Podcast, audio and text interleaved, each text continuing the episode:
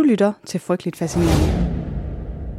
For 37 år siden, lige omkring den her tid på året, står en frysende folkemængde samlet på et affyringsområde i Cape Canaveral. De har stået der længe, selvom det er hundekoldt. Der er istapper på bygningerne, og deres ånde hænger vidt i luften. Journalister og privatpersoner med kikkerter og kameraer er klar til at se USA's stolthed gå i luften. Flere tusind kilometer væk i Utah sidder en mand, der ikke tør tænde for sit fjernsyn. For han er helt sikker på, at raketten kommer til at eksplodere på rampen. Du skal nu høre meget mere om ham, og hvad det var, der gik så galt, da Challenger-raketten blev affyret den 28. januar i 1986. Velkommen til det her afsnit af Frygteligt Fascinerende, hvor vi dykker ned i Challenger-ulykken. Frygteligt Fascinerende er en podcast om alt det frygtelige, som alligevel fascinerer os. Her i kort fortalt afsnittene giver jeg en kort introduktion til noget frygteligt fascinerende fra nær eller fjern historie. Velkommen til.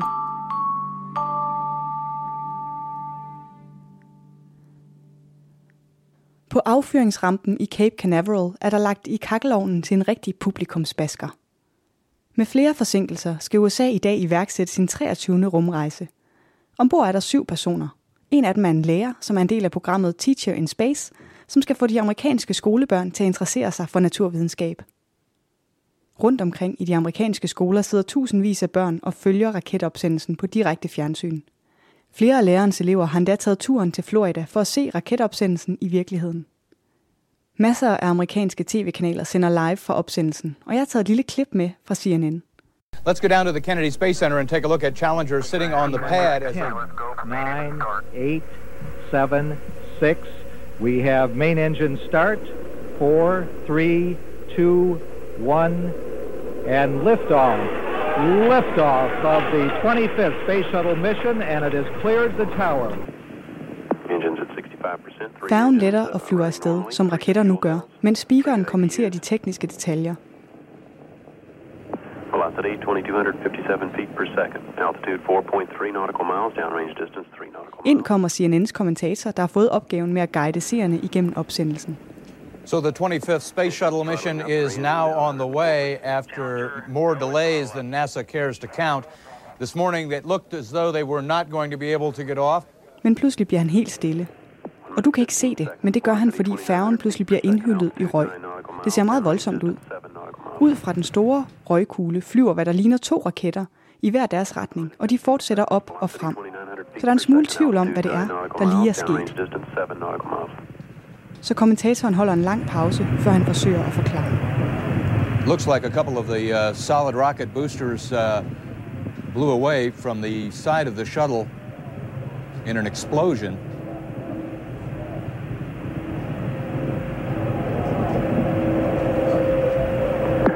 Flight controllers here looking very carefully at the situation. Obviously a major malfunction.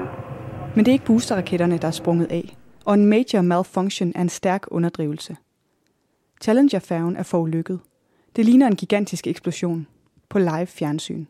Men hvorfor går det så så galt? Og hvem er ham fyren fra introen? Ham som vidste, at rumfærgen ville eksplodere? Jo, det skal jeg fortælle dig. Han hedder Roger Boisjoli, og han er ingeniør hos et firma, der er underleverandør til NASA.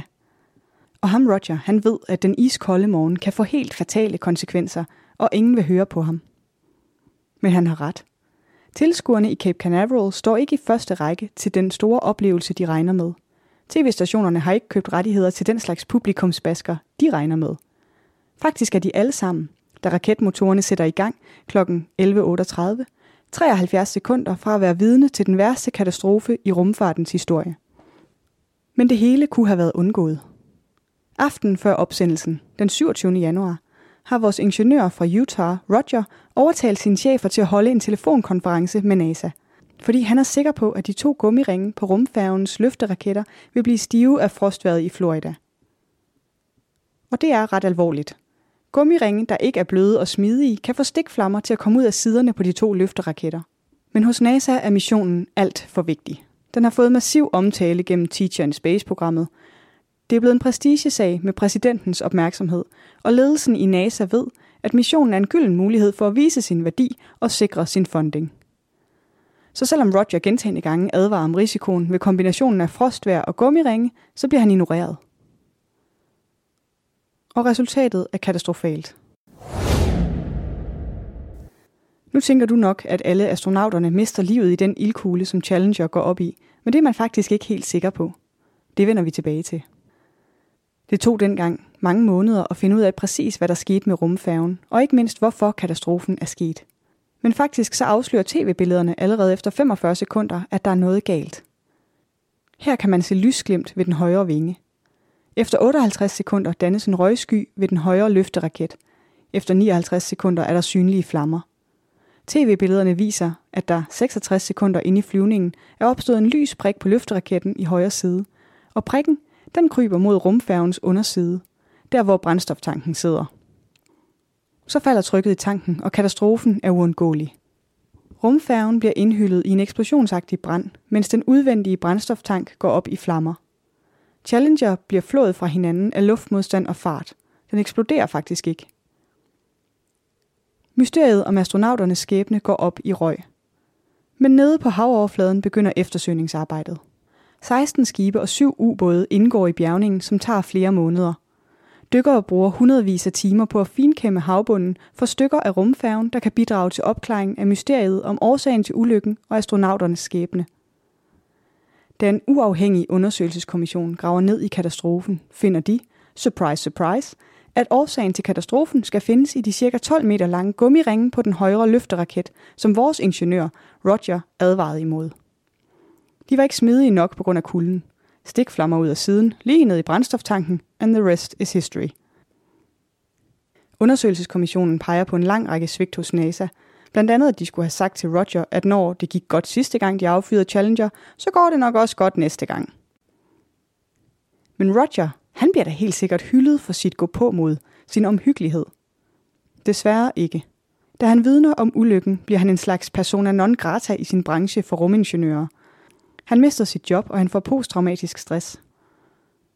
De syv astronauters skæbne bliver først endelig opklaret den 28. juli 1986, da NASA bekræfter, at de har fundet Challengers forende på bunden af Atlanterhavet og har foretaget undersøgelser af besætningen. Alle astronauterne har iltmasker, der kun skal aktiveres i nødstilfælde. NASA finder fire af de iltmasker i vraget. Tre af dem er aktiveret. I en rapport fra NASA så skriver de, at det er usandsynligt, at astronauterne døde, da Challenger går i stykker. Og at det er sandsynligt, men ikke sikkert, at astronauterne mister bevidstheden inden det 20 km lange frie fald tilbage mod havoverfladen. Det kan betyde, at en eller flere af besætningsmedlemmerne var ved bevidsthed i de 2 minutter og 45 sekunder, det tager, inden resterne af Challenger rammer Atlanterhavet med 333 km i timen. Og hvad med NASA? Ja, efter en længere pause, så begynder de igen at sende rumfærger op. Der er jo også et rumkapløb og et image at tænke på. Lige indtil 2003, hvor rumfærgen Columbia brænder op i atmosfæren. Columbia bliver sendt op på trods af advarsler fra bekymrede ingeniører. De er bekymrede for, at dele af det beskyttende lag på rumfærgen kan rive sig løs og beskadige rumfærgens varmeskjold. Og hov, bekymrede ingeniører, der bliver ignoreret. Det lyder jo helt bekendt. Men det er en anden historie. Det var lidt om Challenger-ulykken. Kort fortalt er frygteligt fascinerende. Researchet skrevet, optaget og redigeret af mig. Jeg hedder Maria. Næste afsnit kommer allerede i næste uge, og du kan høre det i iTunes, Spotify eller der, hvor du normalt lytter til podcast. Igen i dag kommer ideen fra Camille. En uvurderlig inspirator. Send mig gerne din idé på Instagram, så kan det være, at den bliver til sit eget podcast-afsnit. Tak for nu. I researchen til afsnittet har jeg brugt oplysninger fra TV2, Illustreret Videnskab, Videnskab.dk, Wikipedia, NASA, CNN og USA Today.